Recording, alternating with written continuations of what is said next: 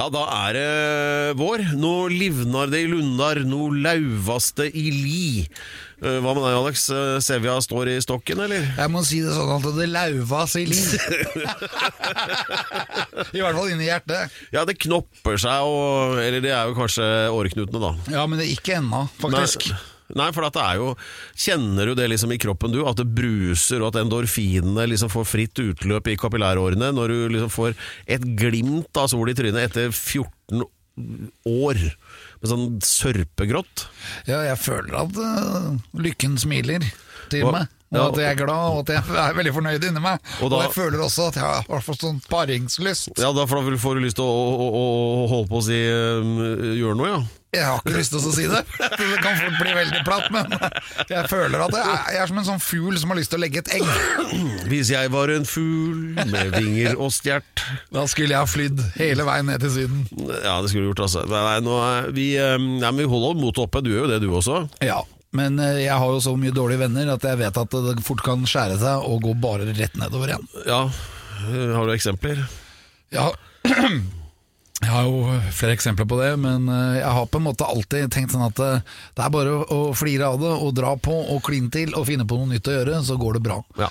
For det har jo stått ganske stille nå i sånne koronatider, og vi er på en måte alle blitt litt sånn hva skal jeg si for noe, litt sånn jordskjelv i kroppen.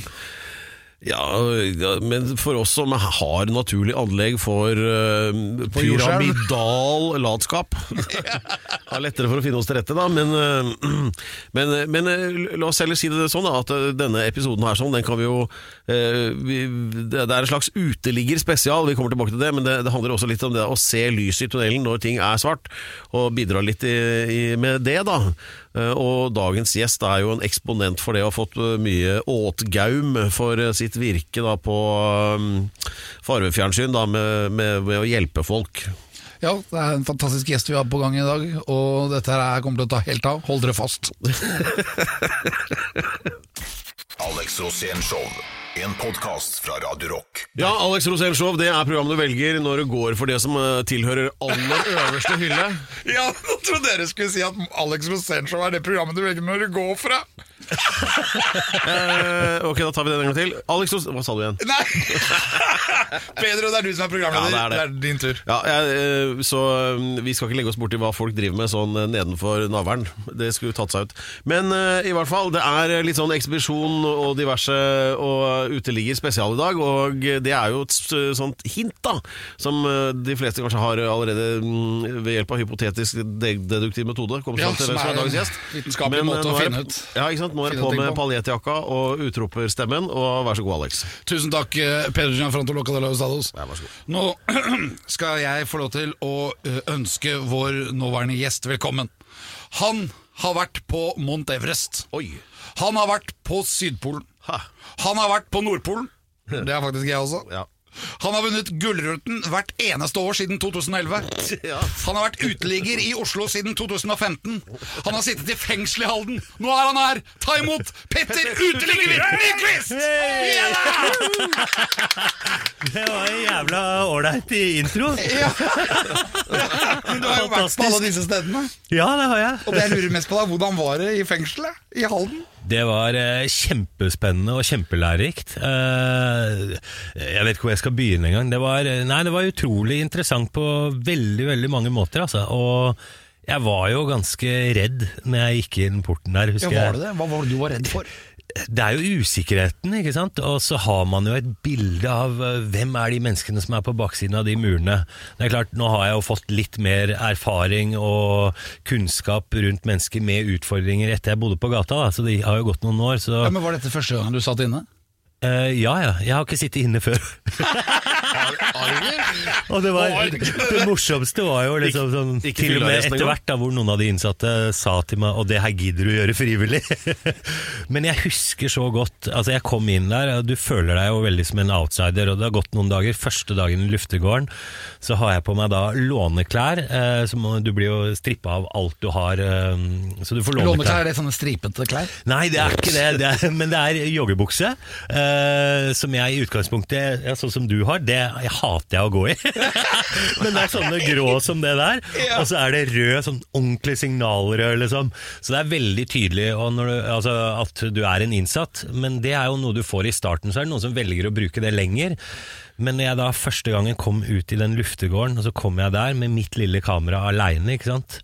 Og alle de blikkene ikke sant, som jeg fikk, kroppsspråkene som Alle ble sendt. skjønte at du var der. Ja, altså jeg så ut som den, Jeg var den mest pinglete som var der. Så står jeg med kamera liksom Nei, jeg tror jeg bare filmer meg selv jeg, istedenfor. Ja. Ingen ville bli filma med det første, ikke sant. Og det skjønner jeg jo. Det var kanskje ikke riktig måte å gå ut i luftegården på, men uh, hvor sa til meg etterpå legg vekk det kameraet neste gang du går i luftegården, da. Så kanskje du kan bli kjent med andre først enn å begynne å filme, liksom. Så da følte jeg meg liten og i noen settinger, men så ble jeg jo godt kjent med veldig mange mennesker. Uh, og da får du jo en litt sånn annen historie bak de menneskene som kanskje har en dom. Og det er jo viktig å påpeke at jeg forsvarer ikke noe av det de sitter inne for, eller den kriminelle handlingen de har gjort. Eh, Det kan jo være helt forferdelige ting. Eh, Men de har fått sin dom, tenker jeg. Og det er ikke mitt, mitt mål var ikke å gå inn der og eh, Jeg måtte bare møte de for den de var, sånn som jeg traff de, da. Hva var det som overrasket deg mest, da? Nei, det var, nei, det var mange ting. Altså det er flere ting eh, Du kan si En som jeg syntes var interessant, var etter to ukers tid eller noe sånt, så kom det flere betjent og noen ansatte som kommenterte liksom, ah, 'Du ser sliten ut, eh, går det bra med deg?' Spurte meg det flere ganger. Altså, jeg fikk ikke lov øh, bare for å nevne jeg fikk ikke lov til å ha en egen celle blant de innsatte, så jeg fikk et besøksrom som ble gjort om på en måte, for jeg ville ikke gå ut og inn av fengselet hver dag. Jeg ville være der og føle på at når de andre ble låst inn, så ble jeg også låst inn. Det er den eneste måten jeg kan prøve å lære å forstå. Jeg vil aldri kunne øh, få den samme følelsen som de som har der inne. Men men så kom flere til meg og spurte liksom, går det bra, går det bra. Og når du har stilt det over noen dager, så ble jeg jævla usikker på meg sjøl. Om det gikk bra? Ja, altså liksom, er, hvordan, hva er det en et eller annet? Så måtte jeg spørre, og så var det da på en gang hvor jeg gikk, eller ble fulgt ned, det var en sånn innlåsning, hvor det var en sånn der teamleder som sa til meg, nei, vi ser at uh, du har skjedd så mye med deg. Så bare, hæ, hva mener du? Nei, vi ser at uh, du har jo fått tak i det er en notatblokk, du driver og skriver ned alle ting. Det er et tegn på at du begynner å miste korttidshukommelsen din, uh, du er mer apatisk, jeg ser at du sover dårlig, så bare ramsa han opp alle de tingene. Og da det, gikk det liksom opp for meg da, liksom, hvordan jeg egentlig hadde klart selv å gå inn litt i den der tralten eh, som mange, jeg tror mange går i. Selv om for meg så blir det jo veldig en sånn bratt læringskurve, da, ikke sant, for å kalle det. Altså det skjer fort, og så flater det ut, selvfølgelig. Men alle de tingene som skjedde med deg selv, og når jeg satt der inne også noen ganger, og det var mye støy og bråk, og jeg plutselig følte sånn, jeg fikk sånn Klaus-følelse. Så hadde faen ikke noe sted å gå. ikke sant? Jeg hadde jo ikke heller min celle når jeg hang ved, på avdelingen dem, så da, da skjer det mye i huet ditt. Altså, jeg tror mange inne i fengselet er kanskje sin egen største fiende inni sitt eget hode. da. Så det er, det er ikke så rart at det smeller eller ting skjer innimellom der inne når du trykker på. Så kan du adde på alle de tingene, skyld, skam etc., som mange av de har, diagnoser etc. da. Men, men det der Halden fengsel er jo kjent for å være planetens mest luksuriøse der. Alle har flislagte bad og faste massasjetimer og øh, vafler på Nå dro du på litt. Ja, men det, er, det, er det, det er det vi har hørt, da. Ja, ja det er det, og det, det syns jeg er enda mer interessant, fordi um, uh, hvorfor skal ikke de ha fliser på badet, liksom? Hva, hva, Ja, nei, som annet skal de putte på badet? Og det er samme som noen har sagt Ja, men de har jo flat-TV. Ja, prøv å finne en, eh, en sånn gammel TV i dag. Ja, den koster jo mer enn en flat-TV. Så det er sånn, det er litt sånn på feil eh, premisser, det Jo. der. Og at alt skal være så luksuriøst, det er jeg ikke enig i. For det handler igjen den der indre kampen hos de sjøl. Og det, ja, det ser selvfølgelig litt finere ut enn Oslo fengsel, eh, innvendig og litt mer fasilitert, men det er jo et nyere fengsel også, som er litt over ti år gammelt, så jeg Ja, men- tenker man må jo følge den standarden som man har i det samfunnet man har utenfor òg, da. Men hvis du sammenligner med, øh, ja, særlig i USA, et sted som vi har vært, Alex, i Maricopa County utenfor øh, Phoenix, Ja. øh, så er det en sånn teltleir ute i ørkenen der. Mm. Tent City heter det fengselet. Ja. Og det er da en av kameratene til Donald Trump, the toughest sheriff in the world, som han kaller seg, mm. Joe Arpaio, som står bak der. Altså telt fra Koreakrigen, som er satt ute i ørkenen, hvor det kan være 55 grader på dagen og sikkert kaldt på natta. Eh, Feltsenger fra altså 50-tallet, da. Og d- maten skal ikke koste mer enn 50 cent per innsatt per dag. Eh, og du kan tenke deg, ikke sant? Det er ikke noe, der, der var vi, og så viste vi dem litt bilder da, fra Halden fengsel. Ingen trodde at det var et fengsel. Mm. Nei, nei, nei. Nei. Og det er jo klart, så kan du jo også sikkert Og når det gjaldt TV, så var det sånn de måtte sitte på ergometersykkelen og tråkke for å ha strøm Ja. til at TV skulle virke. Men så er det jo det, ikke sant, hvor ille skal folk ha det? Det er jo flere eksempler på Det handler jo om hvordan man møter mennesker, hvordan man behandler menneskene. De har jo sine rettigheter, de òg. Og møter vi folk med å straffe de masse mer Altså, jeg tror ikke folk forstår eh, bare, nå kan jeg bare snakke på, basert på det lille jeg har vært der, og selvfølgelig har jeg vært masse i fengsel i ettertid og begynt å kjenne mange folk og dra på besøk.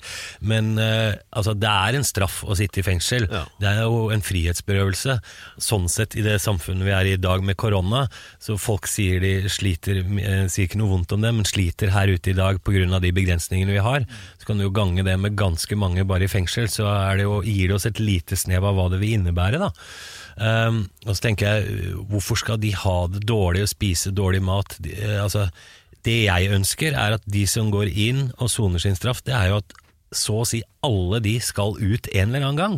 Da vil jeg heller at de skal komme ut og, i hvert fall, og kunne fått nødvendig hjelp inn i fengsel, da, for å kunne håndtere samfunnet her på utsida. Og der eh, skal ikke prate meg bort, men der mener jeg at vi, eller mange i samfunnet, har en litt sånn feiloppfatning, syns jeg. Hva forventer vi når en slipper ut av porten, hvis han ikke får tilstrekkelig oppfølging? Og det har jeg masse eksempler på folk jeg kjenner.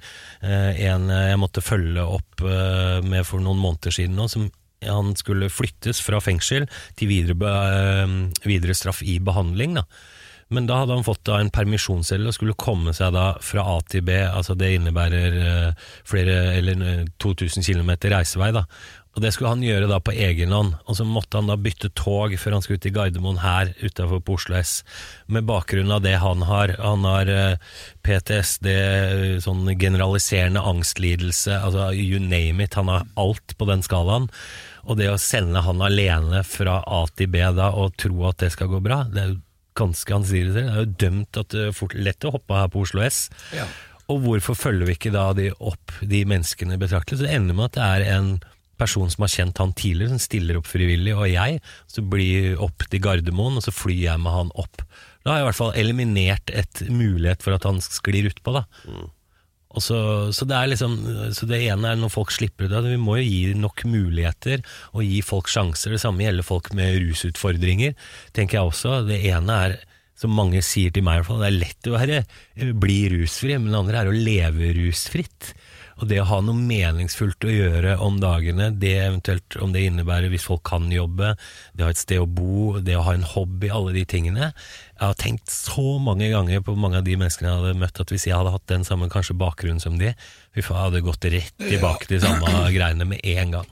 Ja, det, kan, et- det kan du, og mestrer du. Man får et sug, og man vil tilbake til varmen. Det er altså det sagnomsuste Alex Rosénshow. Vi har besøk av selveste Petter eh, Uteligger Nyquist. Eh, senest, eh, ja, eller det vil si, nå er han jo da på skjermer og ser som en slags veileder for folk som vil finne vei ut av rusen ved hjelp av idrett. Men rett før det så var det altså serien av Petter i fengsel. Hvor du gikk frivillig i fengsel i 30 dager. Ja. Uh, og, og Det er ganske interessant å høre liksom, hvordan man blir påvirket av det. Jeg ser jo at du drikker Litago. Og det Ja. er vel, jeg vet ikke om det er hva sammenhengen er der, men eh, det kan man jo tenke seg. Uh, Det tror jeg har litt sammenheng med at du, er ekspedisjon, du driver ekspedisjoner også. Ja, jeg har drevet mye med det. Det har jo, har jo ikke blitt noe særlig av det de siste årene, men jeg har Du har vært på Nordpolen og på Sørpolen, Ja, jeg og på Mount Everest. Ja, Og da har jeg litt sånn følelsen at det, det å være i fengsel også, det var vel nesten som å være litt på ekspedisjon. Ja, du kan jo også si det samme med det prosjektet jeg gjorde på gata òg. Altså jeg elsker jo å få noen Jeg får jo ideer, jeg blir trigget av ting, og det ene utløser det andre. Eh, og, og, men det å sette seg noen mål, eller noe man har lyst til å finne ut av, og det å være nysgjerrig, eh, og det har jeg vært. Ikke sant? Samme som deg og eventyrlystningen. Hva faen skjer rundt neste sving? Det er jo det mest spennende, og de menneskene du møter på veien. ikke sant? Og man blir jo påvirket av det. Det forandrer jo deg ja, ja. hver gang. Ja, ja, selvfølgelig. Og det, men hva forandret det deg med deg når du var etter den fengseloppholdet? Det jeg eh, la merke til spesielt, var, eh, som også kommer litt fram i serien, det er jo at veldig mange av de jeg traff der inne, som jeg fulgte, alle de har jo hatt utfordringer fra veldig tidlig av. Det var én ting som jeg har tatt meg og ble veldig mer bevisst over. Hvor har det starta? Noen av de har jo ikke uh, starta et liv eh, med noe blanke ark i det hele tatt. De er født inn i en dysfunksjonell uh, barndom uh, som har leda de dit. Så er det lett for oss å sitte og si hva de gjør av dårlige ting, og de burde gjøre ditten og datten. Men um, Hvordan dysfunksjonell barn? Nei, altså hvis du vokser opp i et hjem med rus, da. Eh, eller du Ting som ikke er som det bør være, da, for å si det sånn. Eller du vokser opp i et område hvor uh, Som en som jeg kjenner fra tidligere, som har, har klart seg fint, som ikke har vært ute på. Men han vokste jo opp i det som het Bananblokka bort på Galgeberg, og som han sa, normaliteten for deg som barn var at det plutselig kunne fly TV ut av vinduet, eller noen sto og ringte på ringeklokka di og lurte på om mora di var hjemme, for hun, eller, eller noen ville kjøpe noe amfetamin, eller et eller annet. Eh, Du ser vold, fysisk, psykisk vold. Ikke sant? Så mye ting. Så ble jo det en normalitet på en måte for han, og som han har sagt i ettertid, hva faen tenkte Oslo kommune som plasserte meg, eller, at det ikke noen eh, fanget opp at der bodde jeg, på en måte, da. Det er jo ikke et sunt sted å vokse opp for eh, barn, tenker jeg. Så det er, eh, så det er Og mye, mye av de menneskene er, Eller de jeg møtte, da, som jeg sa i fengselet, er ting som har stammet tilbake fra barndommen, hvor ting har vært vanskelig å utfordre på forskjellige plan. Men jeg sier ikke at det er alle, men jeg følte at det var mange av de jeg traff der, da. Så det, det har fått meg til å tenke hvor viktig det er å jobbe da også preventivt, ikke sant? og forebygge at folk havner i den situasjonen. Men med deg selv, da? Fikk du noen? Arr? Arr? Skade av det? Nei, det vil jeg ikke si. Jeg har For de spurte deg hele tiden hvordan det gikk med deg. Ja, ja. De innsatte. Nei, altså- de følte vel at du begynte å skli ut? Ja, at de så på meg at jeg kanskje oppførte meg litt annerledes, eller de så når jeg var nedfor eller ikke hadde Ja, det bra. eller at det var fare for at du kanskje skulle også bli kriminell? Og kanskje også Nei, det var ikke Kan- så ille. Det var man, m- man mer sier jo sånn det når man blir flytta i fengsel, at man Ja. blir verre av det. Det kan jo godt være. Jeg, der tipper jeg det også er mange som blir mye bedre av det òg, hvis du får tilstrekkelig oppfølging. da. Og så er det jo spørsmålet hva er tilstrekkelig? Det mener jeg må være individuelt, for noen trenger mye mer hjelp. Og så tror, tror jeg at det har sin begrensning hvor mye hjelp du kan få i fengselet. Altså, om du så hadde fått alt. Du er i den settingen du er i. Det er så mange andre ting som trykker inne i fengselet. ikke sant? Eh, Du skal ikke nødvendigvis vise følelser på samme måte ikke sant? Eh, for å vise dine svakheter. Det er et spill, det er et hierarki. ikke sant? Det er mange ting som rår. da. Eh, Så, og, så, det, så det gjør at du, jeg tror ikke du er like mottakelig for all mulig behandling. Du kan få mye bra hjelp. Jeg tror den beste hjelpen kan være å få øh, hjelp utafor, for det er jo det jeg opplever at mange trenger, det er hjelp. Um, og den tror jeg må foregå på utsida. Men kunne du hjelpe dem med å vise følelser? Jeg er ikke noe redd for å vise følelser, men jeg merka jo også at jeg gikk Et eksempel var jeg sitter der inne, og så, eh, lang historie kort, så får jeg en telefon eh, Eller jeg ringer faren min, jeg hadde bare 30 minutter å ringe for i uka. Så ringer jeg faren min, og så har den kreften hans eh, blussa opp, ikke sant. Og jeg hadde snakket litt med broderen min på forhånd før jeg dro, hva hvis noe skulle skje og sånne ting. Så liksom, når skal de ringe eller varsle hvis det skulle være noe? Men det å da sitte og prate med pappaen min og høre at han griner for han har det så vondt, ikke sant, og, og blitt akutt lagt inn og det ene og det andre, da merka jeg at da begynte jo begynte tårene mine å renne òg, og så merka jeg med en gang at med en gang jeg går ut av den der liksom, telefonboothen der inne, det rommet, og går inn til, eh, eh, til felles, eller til den avdelingen som jeg var på, så tørka jeg tåra og lot som ingenting hadde skjedd, ikke sant. Så det er et eksempel på hvordan det blir, og du kan jo tenke hvis du gjør sånn over mange år, når du har sånne følelser og ikke får utløp for det, så er det jo klart at du blir en trykkoker da, etter hvert, og det, jeg tror ikke det er sunt da. Så, men man skal jo fremstå tøff. Jeg kjenner folk som er eh, Folk som absolutt ikke jeg ville møtt her i en mørk bakgate utafor her på natta, men som er da livredd hvis de er hjemme i sin egen leilighet alene når ingen andre er rundt det. Det er ganske interessant. Det er sprøtt, altså. Mm. Eh, kan jeg spørre, Hvordan går det med din far nå? Det, går bra med pappa nå. Altså, han har hatt kreft i mange år, men eh, det kommer noen sånne utslag i ny og ne, og så var det en, en gang, og så er det ganske stabilt. Men jeg har nesten ikke sett ham på et år uh, pga. korona og sånn, og da må jeg være veldig forsiktig ja, med det. Ja. Så det er ikke verst for meg, jeg syns det er verst for barna mine. Som ikke, Men det har blitt mye FaceTime og sånn. da. Snakket du med noen av de innsatte da, eller? Om sånne ting? Ja, jeg gjorde det, eh, og det var jo det som var det interessante hvis jeg ble sittende Jeg fikk jo så mange gode relasjoner, eh, eh, og folk som jeg er venner med fortsatt i dag. Eh, Sånn er jeg når jeg treffer mennesker. Jeg blir jævlig fort glad i mennesker, og det er jo så mye fint, og så mye historier, da. Eh, Men, eh, men når du sitter da kanskje Hvis du hadde vært den innsatte, Alex, hadde jeg sittet på rommet eller på cella di og prata med deg. Da hadde du kanskje turt å åpne deg til meg når du føler at ja, du kan stole på meg og alt det der. Men hadde vi som sitter her nå i rommet her nå sittet alle på cella, så hadde det vært mer tøffe Alex som sto fram og skrøt av historier eller gud veit dumme, rare ting du har gjort. ikke sant? Så det er litt sånn Men mellom fire øyne så var det lettere ja, det. var mye lettere. Og så må jeg jo bare berømme at det, er jo noen fantastiske folk der, og det var en dame som jobba der som het Linn.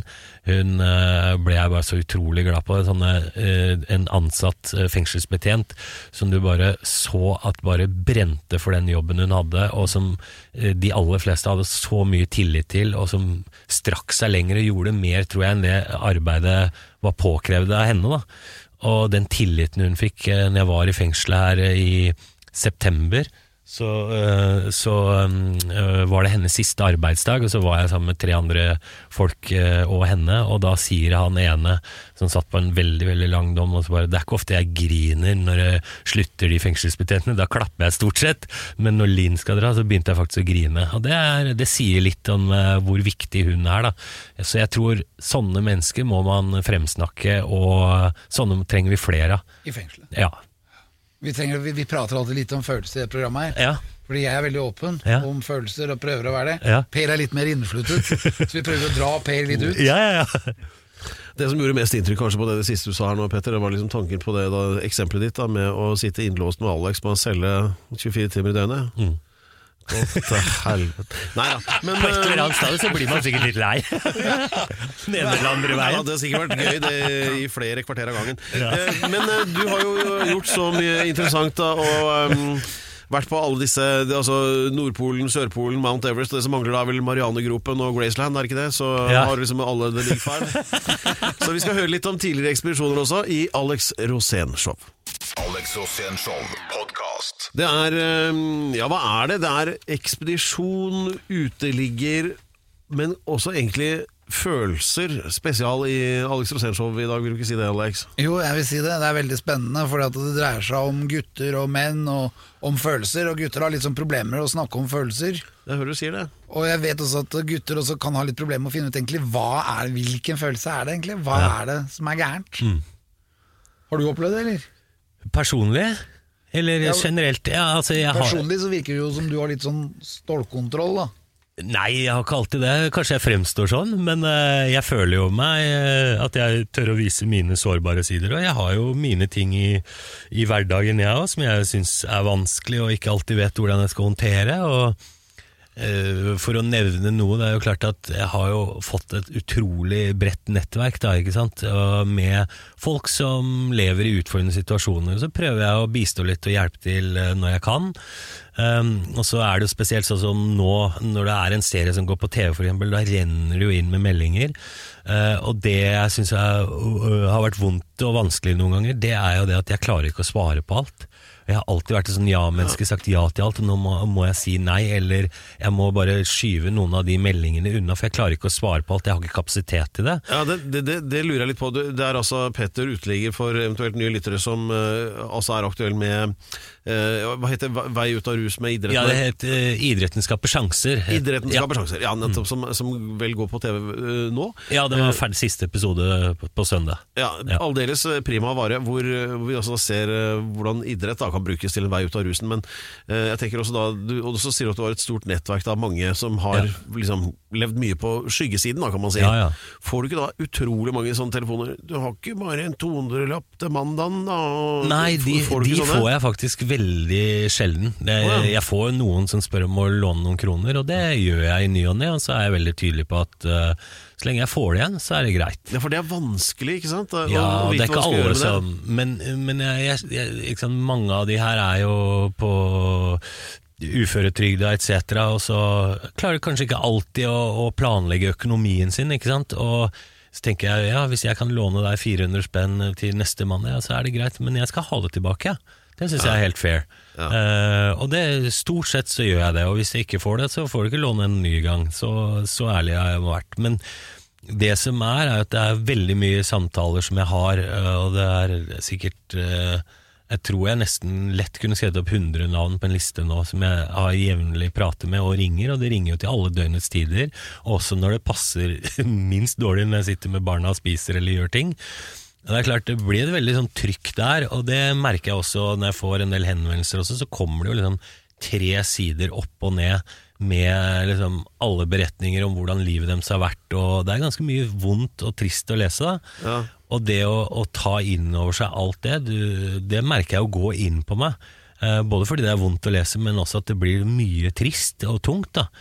Og hvordan skal jeg håndtere det? Eh, jeg har jo i alle år fått tilbud gjennom TV 2, eh, så har de alltid sagt helt fra start, som jeg tror de har med flere som eh, jobber som programledere, at vi har en psykolog, den kan du benytte deg. Jeg har aldri vært hos en psykolog i hele mitt liv.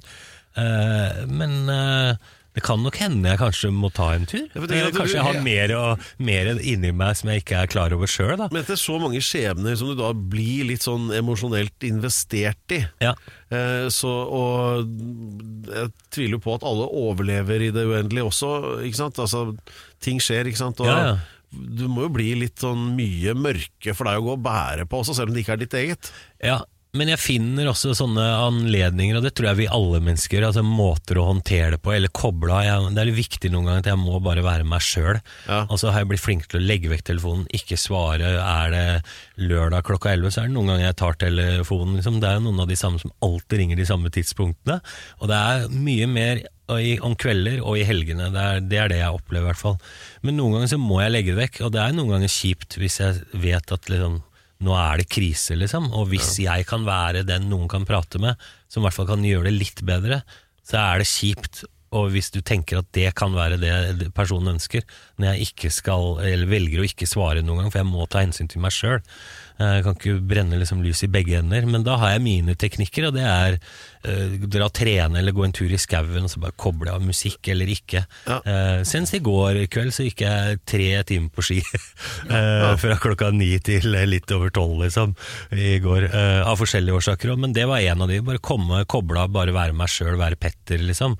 Selvfølgelig, Jeg føler ikke det er noen forskjell mellom Petter og Petter Uteligger. Det er samme person. Eh, Jeg går jo ikke inn i noen rolle når jeg gjør det jeg gjør.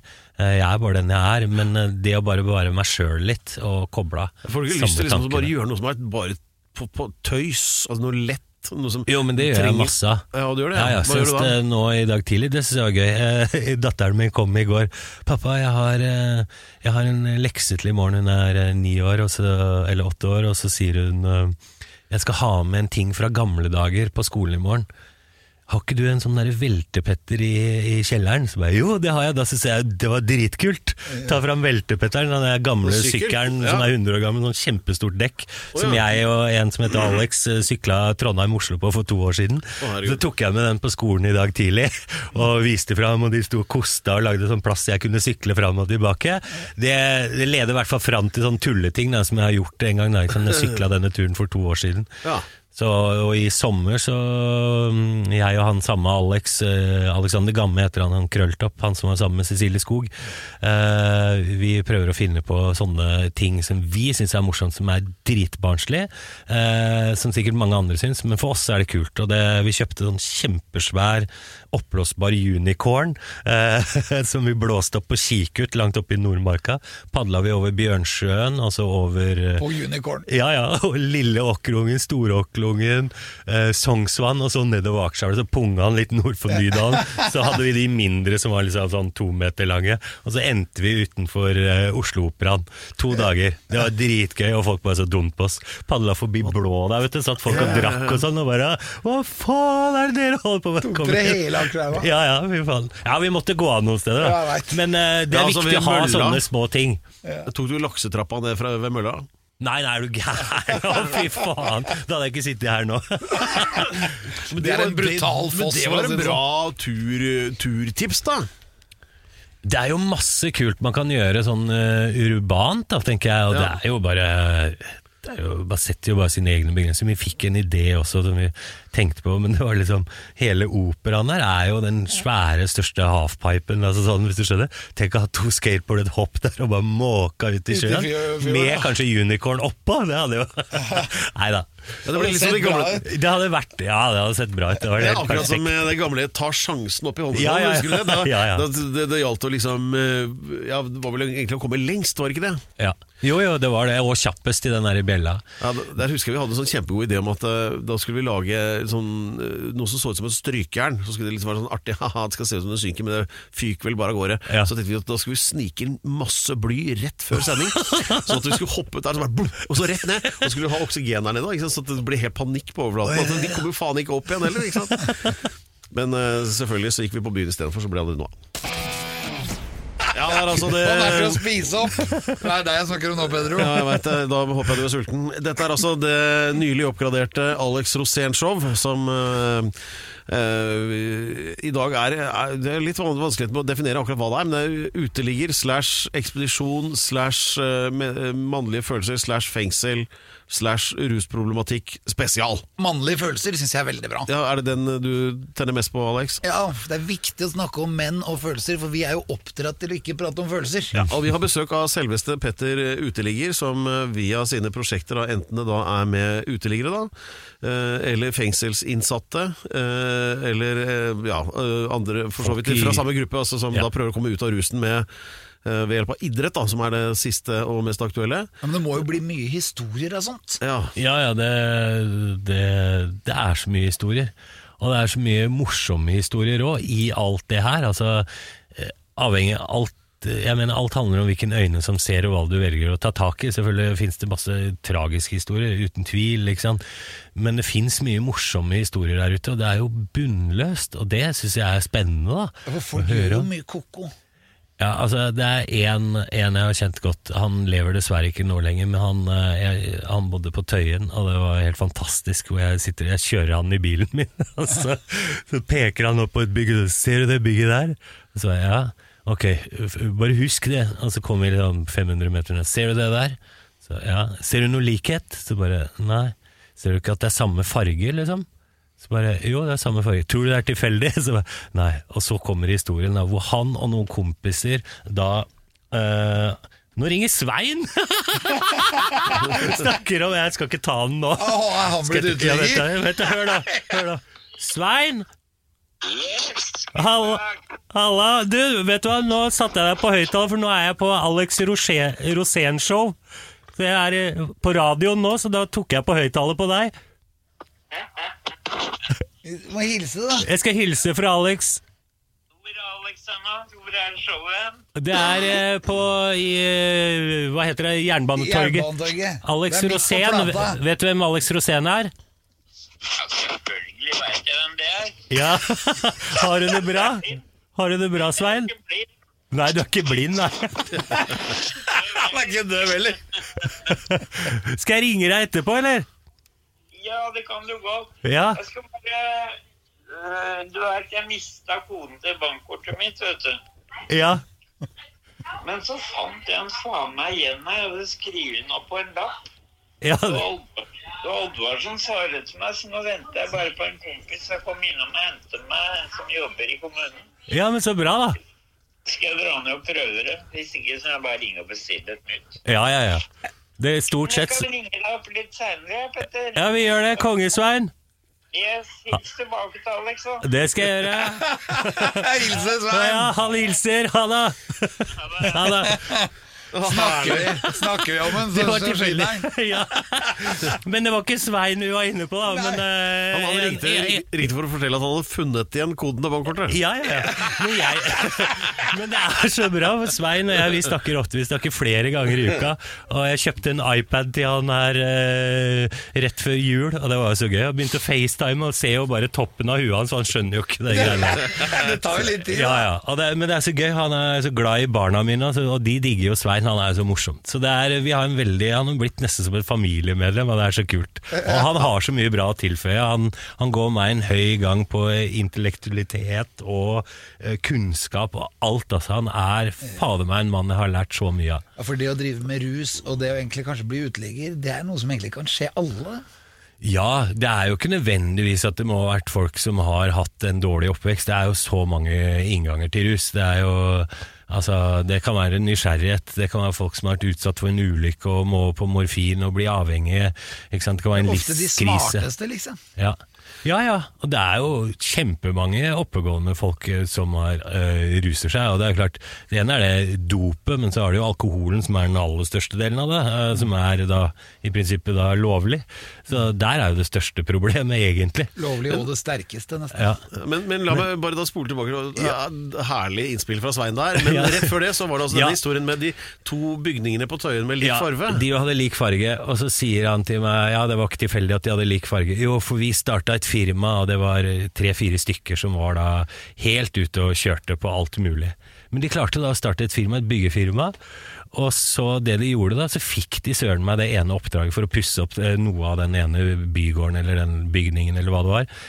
Eh, og for å løse det, så sier han de vinduene som er der, det er tre, tre eller firedobla isolert glass, for alle de vinduene kom fra et eller annet bygningsprosjekt som var i nærheten av Oslo SA, hvor det støya mye. Og, og når de skulle kvitte seg med det avfallet som de holdt på med og bygde, ikke sant, restene fra gipsplater og alt, så stjal de en bil, og så fylte de bilen full med det, og så bare kjørte de litt lenger bort i gata. Så det var den måten å bruke søppel på. De tok det fra ett bygg og satte det på et annet. Ja, ja, ja. så det var liksom sånn Og jeg bare ser for meg de gutta som har stått og hamra og spikra til alle døgnets tider, ganske høye på det ene og det andre, og bare skal ha dette ferdig for å tjene spenna. Og at det har gått, og de har fått til det her, det er sånn ett eksempel, da. På, ja, nei, det, er, det er fantastisk. Altså, du kan jo si fantastisk, men det er ganske morsomt da at det faktisk har gått i det hele tatt, at det ikke blir busta eller noe som helst. De hadde økonomisk sans. Ja, ja. Og så er det jo også sånn som jeg har hørt om noen, som var hjemme hos noen, ikke sant? og så, så skyldte eksempel du meg 200 spenn, så hadde ikke jeg 200 spenn, så er det sånn, jeg må bare finne om jeg har noe annet du kan få istedenfor de 200, og så plutselig så har du en sånn, eh, hva heter det, sånn iguan, eller en slange som er liksom, faen, jeg har ikke to, ja, ta den slangen min da, ikke sant? Så helt sånne rare ting som oppstår, som bare kan skje i den tilstanden her, det er helt, så det er mange ting. Men det er mye morsomt. Det er gøy mye- å leve. Ja da, det er det. Det var kapittelet reptiler som veksler penger. Ja, ikke sant? Åh. Alex Rosén Show. En podkast fra Radio Rock. Det er altså Alex Rosénshow der all anger og etterrettelighet er veldig forbigående. Og vi har besøk av Petter Uteligger, som uh, uh, har Unnskyld, har møtt på mange på livets skyggeside, og en ny en i dag. Altså deg, Alex, for du har jo det har jo ikke gått, i, gått snorrett alltid med deg heller. Det kan du trygt si. her, her om dagen så kom jeg til at T-banen Vi, vi er jo på Jernbanetorget, er Ja, ja, ja. midt i Oslo sentrum her. Og jeg kom bort ut av T-banen, og så møtte jeg en kompis. Jeg hadde ikke sett han på kjempelenge, og han så veldig sliten ut. Men det var veldig hyggelig å møte han. Det var helt sånn wow, så kult å møte deg. Hjertelig møte, egentlig. Og så plutselig kommer en dame, og hun gir meg kaffe og mat. Bananer og greier. Til deg. Ja, til, til meg og til han. Ja. Og så, så, så viser det seg at eh, jeg står i en matkø. og at vi står sammen med alle de narkomane og alle uteliggerne. Ja. Da er det rett utafor der, da. Ja, det er Ja, ja. rett bortafor her. Og, så, og så står vi der, og så tenker jeg at eh, Jeg tenkte Er du sponsa av Bama? Men vi var, det var bare uteliggere der, og vi ble stående og spise, og alt sammen Og så kommer en gammel dame bort og ser meg i øya, liksom sånn derre Alex, har du havna her, du? Veldig sprø opplevelse. Ja, ja, ja. Nei, men de har sånn utdeling vet jeg, rett rundt hjørnet her hver onsdag. Nå har det vært litt eh, endringer nå i det siste pga. korona. Og sånn, og det, det, det er jo et ansamlingspunkt. eh, ikke nødvendigvis altså, for mennesker i utfordrende situasjoner, men det er utrolig fint. da Det heter Gateteam Oslo. De er der hver eneste onsdag, selv nesten når det er nyttårsaften og alt. da Det kommer alltid folk der, fordi der får de mat, der får de klær, og så får de masse kjærlighet og omsorg av de ansatte som er der òg. Det er dødsfint. Det, det vet jeg at veldig mange som setter pris på. Hvem er det som har initiativet til det? Eh, det er en som heter Siv som starta det. Som uh, Gud veit, det begynner det sikkert å bli fem-seks år, de, hvis ikke mer, som de har holdt på. Så hver eneste onsdag er en som har vært der i, som jeg møtte, som jobber der som frivillig, og hun, uh, tror jeg sa at dette er liksom den eh, 197. onsdagen på rad hun har stått der og delt ut. Det er ganske imponerende, ass. Ja. Ja. Oi. Så det er, eh, Har du vært der og fått mat, du òg? Eh, nei, ikke på det prosjektet, men jeg har vært der i flere andre anledninger. Så, og det er jo, jeg elsker jo sånn å stå og henge litt sånn som det. Samme som jeg kan også stå, hvis jeg har tid til overs, kan jeg stå og henge en dag i, i Brugata. Det er vår, det som kalles nå Plata. Syns jeg er kjempeinteressant. Bare se på menneskene. Eh, hva, hva er det som skjer? Hvem er det? Og så plutselig kommer jo de litt eh, som man ikke tenker at har noe med rusmiljø eller som ser altfor streit ut. ikke sant? Det er jo masse av de òg. Det finner man jo overalt. Som er i mellomfasen? Ja, eller som kanskje liksom må ha seg en eller annen rus, og så er det de som går i dress som uh, ingen tenker at uh, har et rusproblem, da, ikke sant. Men det er spennende, det er mye mennesker, og det er interessant å følge med på både hva som skjer, og så kjenner jeg jo mange, så kan det være eh, hyggelige gjenmøter igjen, eh, og bare 'halla, det var lenge siden', akkurat som det du hadde, ikke sant, med han kompisen din eller bekjentskapen din. Og det er jo nettopp de samtalene, det å sitte og prate med folk, og det å være der hvor de er, det syns jeg er mer interessant. Altså, Jeg hadde ikke fått med at han hadde blitt narkoman engang. Så nei, det er jo det. Være der hvor de er, det syns jeg er alltid spennende. Samme som i fengsel. Dra inn dit istedenfor bare sitte og lese om det. Det kunne jeg ikke, funka ikke. Men hvis vi skrur tiden litt tilbake Ja, i helt Før du lager uh, Petter Uteligger, episode én, sesong én, ja. hva var det som fikk deg til å starte med det den gangen? Eh, det er en lengre historie, jeg skal prøve å gjøre den kort. Jeg eh, var sammen med da han jeg prata om tidligere, som het Alexander Gamme. Jeg og han var og prøvde å bestige det tolvte fjell, høyeste fjellet i verden, eh, Broad Peak i Pakistan. Eh, så Hva er det ikke Mount Everest? Nei, ikke det tolvte høyeste fjellet. På tolvte høyeste, sorry. Det er, er 14 Wake 8000 meter, hvor Everest er det høyeste. Og Olympus Mons er på Mars, det. Ja, ikke sant? Nemlig. Ja. Eh, og så hadde vi vært en måned på tur, og så etter to toppforsøk eh, så innså vi at vi kom ikke til å klare å nå toppen. Så lå vi i en sånn fjellhylle på 6000-7000 meter og syntes bare jævla synd på oss sjøl var helt tomme for krefter og alt det ene, og så sitter vi der og bare Ah, fy faen, vi må finne på noe annet. Ass. Må, nå har vi gått så mange år i fjell og på poler og ene og det andre. Nå er vi tilbake til den der roten, den nysgjerrigheten, den eventyrlysten. Og så dukker det opp sånne jævla rare ideer. Ah, faen, vet du hva vi skal gjøre neste år, eller? Vi drar til Las Vegas, da. Så var det så sånn Las Vegas, hva faen skal vi gjøre der, da? Nei, vi lager en ekspedisjon der. Ja, ja, fett. ikke sant? Vi er jo litt sånn, vi digger å lage nye prosjekter. Og så fikk vi jo ideen at eh, vi skulle ikke bare Vi skulle krysse Las Vegas på langs, men vi fant ut at nei, vi krysser det på langs med eh, pulker, påmontert skateboardhjul og trucker. og så kommer Alex i det hele, som har da over 5000 fallskjermhopp bak seg, og sier at ja, så hopper vi ut i Nevada-ørkenen med det her, og jeg liksom ja, dritkult. Helt til liksom et år etterpå jeg sitter i flyet og må hoppe tandem ut der. Det så ikke så jævla fett ut, da. Jeg sitter der og skriker, og jeg hopper ut livredd, og Alex syns det var så gøy. Lander vi midt ute i ørkenen der, og så begynner vi å trekke disse pulkene innover, og kommer inn til byen, så ble det jo mer Las Vegas på kryss og tvers, møtte vi mennesker, og der møtte vi blant annet veldig mange som lever på gata, for i Las Vegas så har du jo liksom Har du vært der? Ja. det er jo kontrastenes by, det er Disneyland for voksne. Og så er det de som har spilt bort alle penga. Ja, ja, ikke sant? Og, de Og det var jo som noen av de vi traff Det hele stedet her er jo bygd opp av tapere, ikke sant? Og der ser du jo alle disse som du sikkert la merke til, alle de menneskene som står i sånne Elvis-kostymer, det ene og det andre, og gjemmer seg bak, da, ikke sant? Og mange av de jo, vil jo ha tips og penger, men de ønsker jo ikke da å vise ansiktene sine, ikke sant? for det er flaut å vise at du er på det nivået. Og så sov jo jeg og Alex bare på gata til felles steder, der var det jo 30 grader, så det var jo ikke noe problem å legge seg ned. Og da ble vi jo, havna vi jo de stedene hvor rusavhengige eller andre vanskeligstilte sov. Og så var det så spennende, så havna vi nedi sånn tunnel, flomvernstunneler under byen, hvor det bodde folk og sånn. Det var så fascinerende. Og så var vi jo livredde og fikk høre de ryktene og historiene som sa at dere må ikke finne på å dra dit, der nede er det bare folk som vil dere vondt. Så er det jo er jeg så glad, for jeg og Alex er jo litt sånn Vi liker jo å gå litt til høyre eller venstre, ikke gå den opptråkka løypa. Det er dritkjedelig.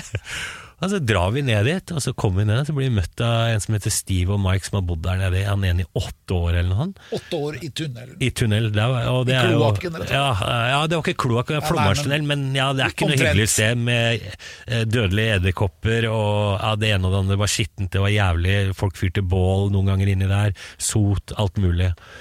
Eh, Men så ble vi jo kjent med de, og når vi spurte «Ah, kan vi ligge over her sammen med dere, så ble de jo Her har du lyst til å ligge over her, det er jo ingen som vil være her. Dødsspennende, tenkte vi. Så ble vi jo kjent med de, og det var liksom gjennom alle de møtene jeg hadde i Las Vegas, det her var i 2011, så dukket, eller så gikk det opp for meg for første gang at fy fader, det jeg ser her, det er jo egentlig akkurat det samme som jeg ser utafor døra her i Oslo. Eh, bare 30 minutter hjemmefra der hvor jeg bor. Hvem er de menneskene som bor her ute? Eh, hvordan har de havna her? Eh, hvordan klarer de å skape en meningsfull hverdag da, i det som kan virke som en ganske håpløs livssituasjon? Og da var det jeg kom på at fy faen, den eneste måten jeg kan prøve å finne ut mer av det, er å dra ut sjøl. Det har alltid vært min måte. Jeg må føle det på min egen kropp, på en måte, den der overføringen av kunnskapen på den måten. Da. Og litt samme som fengsel når jeg dro ut på gata. Så jeg visste jo at jeg kunne aldri oppnå den samme følelsen som de som er i situasjonen. Men jeg vil i hvert fall mest sannsynlig kunne oppnå en mye bedre følelse enn de aller fleste av resten av samfunnet for å få et bedre innblikk. da. Så det var liksom grunnlaget. Og så er det klart, når jeg kom hjem eh, til Mari da og sa at du, jeg har kommet på en idé, jeg har lyst til å dra ut og bo på gata i, i to måneder, liksom, så jubla ikke hun av glede, liksom. Hun var jo noen ganger drittlei at jeg skal på tur og lenge borte og sånn. Eh, eh, men når det fikk mørna litt, så skjønte hun at eh, Petter kommer til å gjøre det uansett, så det er bedre å bare jobbe med han og ikke mot. Men du, i den tunnelen ja. inne i, i, Las Vegas, sovna du? ja, ja, jeg sov, jeg. Det gjorde det. Lå oppå liggeunderlag i bar overkropp, og så var det kakerlakker som kravla rundt. Og... Men det, var, det, er, det er jo de øyeblikkene de er helt magiske. Sånne, alle sånne menneskemøter og de der rare opplevelsene de kunne aldri vært foruten. Og det tror jeg som alt mulig annet med alle andre mennesker. Det er jo de tingene som er med å forme deg til den personen du blir, og den innsikten og kunnskapen du får. da. De opplevelsene. Det å føle seg litt redd, det å føle at du mestrer det. eh, Det å være nysgjerrig, ja, utforskende. Det er, det er spennende. Det er en ting som slår meg her nå, det er jo at uh, alt det du holder på med, det handler jo egentlig om mennesker. altså De du treffer. Og, altså det er mennesker naturen er interessert i. Og, men alle, eller, altså, din, dine yrkesaktive år frem til dette, da, som er sånn uh, 2014-15 eller noe sånt, da Petter Uteligger-serien begynner. Ja. Så har du jo egentlig mer oppsøkt steder hvor det ikke er folk i det hele tatt. Altså Ja, ja. Sørpolen og Nordpolen og Mount Everest og, og sånn. Skal jeg hoppe tilbake, Men, da. så, mm, ja, da, nå rekker vi jo ikke å snakke Nei. noe særlig om det, for det, liksom, det har dere til felles. Eh, etter hva jeg kan se, så har du vært på Nordpolen dobbelt så mange ganger som Alex. i hvert fall og, Men det har også vært med litt sånn shady typer der og da, for så vidt han eh, prins Harry, for eksempel. Ja. Og, eller eh, stemmer ikke det? At du har vært egentlig på tur med han? ja, på På Nordpolen og i Antarktis har jeg vært på tur. Ja. Fantastisk bra kar. Eh, Digger Harry. Han, uh, han er så jovial og jordnær fyr. Og jeg tror han hadde godt av å komme seg litt bort fra liksom den offentligheten og medias søkelys. litt bort fra dronningen. Ja, men Ja, han, Nå blir det. han jo dratt inn igjen. Altså, jeg, jeg tenker litt sånn at det, det, I sted så ringte Svein Ja. uh, her midt i, i, og hadde funnet igjen koden. Men det kunne like gjerne vært eh, Harry som Nei, ringte. det Jo, kunne det ikke nå. ja, Nå er det lenge siden. Men, Men det har vært kult å møte på han igjen. sitt, da. Jeg har hatt mine opplevelser med ham, men det er noe som ikke egner seg på og i offentligheten. Det er lurt å si her, for da blir vi ikke pressa særlig. Vi tar det en etter. pause, og så presser vi det ut av han. Ja, det er det autodidaktisk baserte Alex Rosén-show, og vi har besøk av Petter Uteligger, eh, som eh, trodde at han skulle slippe å fortelle en historie som var for drøy, om prins Harry på en av ekspedisjonene han har vært på sammen med han, på et, eh, på et fjell eller pol. Nå skal vi høre det. det. Vi har bestemt nå, vi har hatt et raskt møte, Alex, jeg har bestemt at det slipper du ikke unna, så vær så god. Hva skjedde? Mm, nå setter du meg i en vanskelig situasjon her. Ja, deilig. Jeg må tenke Uh, her, må jeg, her må jeg faktisk velge å være så kjip og si at det kan jeg ikke. Jeg var dum nok i stad til å, å si A, og så kan jeg faen ikke si B nå. Nei, det vil jeg Nei, jeg tenker at det holder seg fint. Man gjorde vel mer enn bare én dum ting, vel? Nei, han gjorde ikke nødvendigvis noe dumt, men eh, det skjedde mye forskjellige ting eh, de stedene vi var, og som er, er eh, var morsomme. Hør, nå begynner jeg. jeg har så lyst til å fortelle det, men eh, nei, men, Men nei, er det, så, er det så farlig, da? Nei, men jeg tenker at han var der uh, som den han var, og det er jo litt sånn eh, What stays in Vegas Nei, what happens in Vegas stays in Vegas. Jeg bare du må bytte ut med Sørpolen. Ja, og Nordpolen. Nei, det var Ja. Mm. Ok, men Vi holder er, det der. Ja, ja, right, men uh, vi føler jo et fellesskap med, med han. Han er jo permittert prins for tida. Akkurat Ja, som alle andre som er uh, unntakstid. Eller, For han sa vel egentlig bare at uh, nå gidder jeg ikke det her uh, å gå og åpne sånn den nye hermetikkfabrikken i Southport lenger. Altså, han, de bare stakk, han og da kona. ja Megan. Ja. Ja, men jeg tenker at eh, Hva skal jeg si? Jeg, jeg har jo fått føle på litt med at eh, folk kjenner meg igjen, men eh, altså det, kan jo ikke sammenlignes de gangene jeg traff han eh, f.eks. i London. Nå er det ikke sånn at jeg dro hjem til han privat, men eh, i forbindelse med disse ekspedisjonene. Altså Det ble helt bananas i gata bare han skulle dukke opp, liksom, med vakter og sperra hele gata og alt, og hvordan folk tok tak i han og rev han. og er så glad jeg ikke er i de skoa der. Så jeg kan godt til tider skjønne at eh, han har trukket seg vekk. For det tror jeg er en enorm stor påkjenning. ja er altså, ingen er verre enn britisk presse. Nei, De, de er gærne. Det er vel en av grunnene til at han har valgt å trekke seg vel litt unna, så vidt jeg har forstått det. Ja, kan for, for så vidt forstå det. Eh, greit, så der slapp du billig unna, Harry. Ja, takk for runden. Men neste gang du kommer hit, Peter, så får du være litt bedre forberedt. Altså, Ja, det er greit. Kanskje at vi har litt sterkere overtalelsesmidler. We have ways of making you talk. Men hva skjer nå, da? Hva, hva står på tapetet?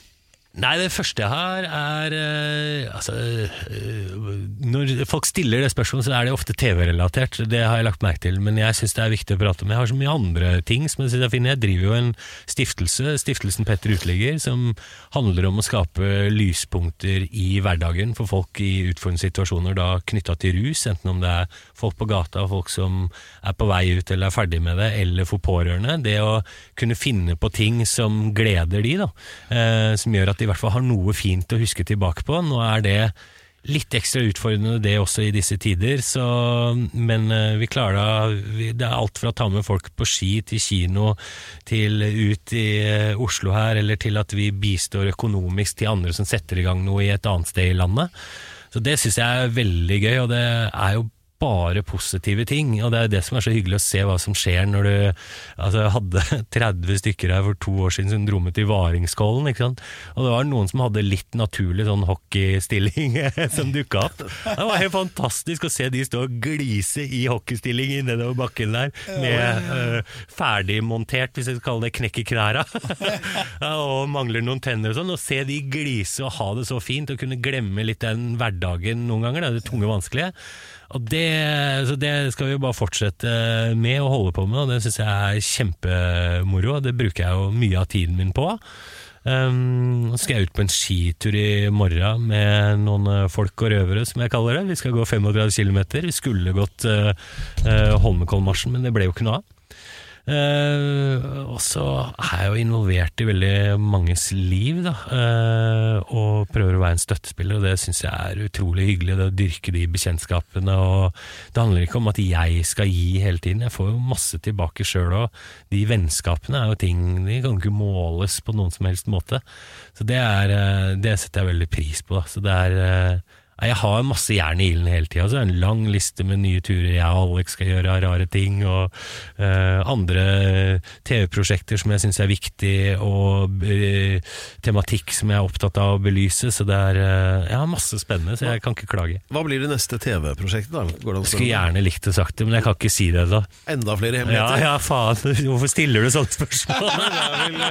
Nei da, sånn- men det, er ikke så jævlig hemmelig. Men følg med på Instagram, så får du sikkert noe hint eh, etter hvert. Men eh, det tror jeg blir, det blir veldig, veldig fint og bra. Det blir sikkert en eh, ny stige på din eh, støe kurs mot en eller annen statsrådpost eller Høyre i fremtiden. Nå uh, har vi faktisk uh, gjort unna hele denne episoden av dette showet, og etter hva jeg forsto da på vår stedlige faste gjest som har raust donert sitt navn til dette showet, Alex Rosén, så skal vi avslutte med en grei mengde pomp, og for så vidt også prakt, i dag. Det skal vi. Nå tenkte jeg at jeg skulle ha en liten fanfare. Ja. Men det er fordi at uh, hvert eneste år så deler vi ut den eminente Martin Skildes ærespris. Eller Martin Skilde-prisen, som han heter på folkemunne. Og du har vunnet den. Det er helt Det fantastisk! går til deg. Petter Uteligger. Petter Nyquist. Du har vunnet den fordi, og dette her er en kjempestor ære å få den, det er som ko- kongens fortjenestemedalje. Du får Martin Skildes ærespris i gull. Og det er pga. din innsats for eh, Bærum kommune, da, selvfølgelig.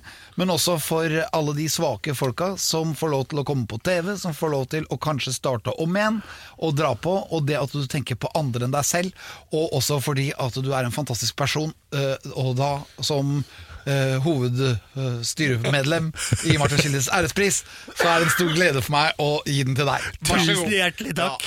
Vi klapper for det. Og så er det jo ekstra Martin kult Skilde-prisen, dere! at jeg kjenner Martin Skilde og har vært med han i Antarktis. Det er jo så gøy! Og jeg må bare nevne den, hvor eh, vi skal dra ned og jobbe og lage en dokumentarserie. Og så er Martin skal være produsent, og han klarer da å si fra like før vi skal dra at han har bare vært i telt en gang før på Arvika-festivalen.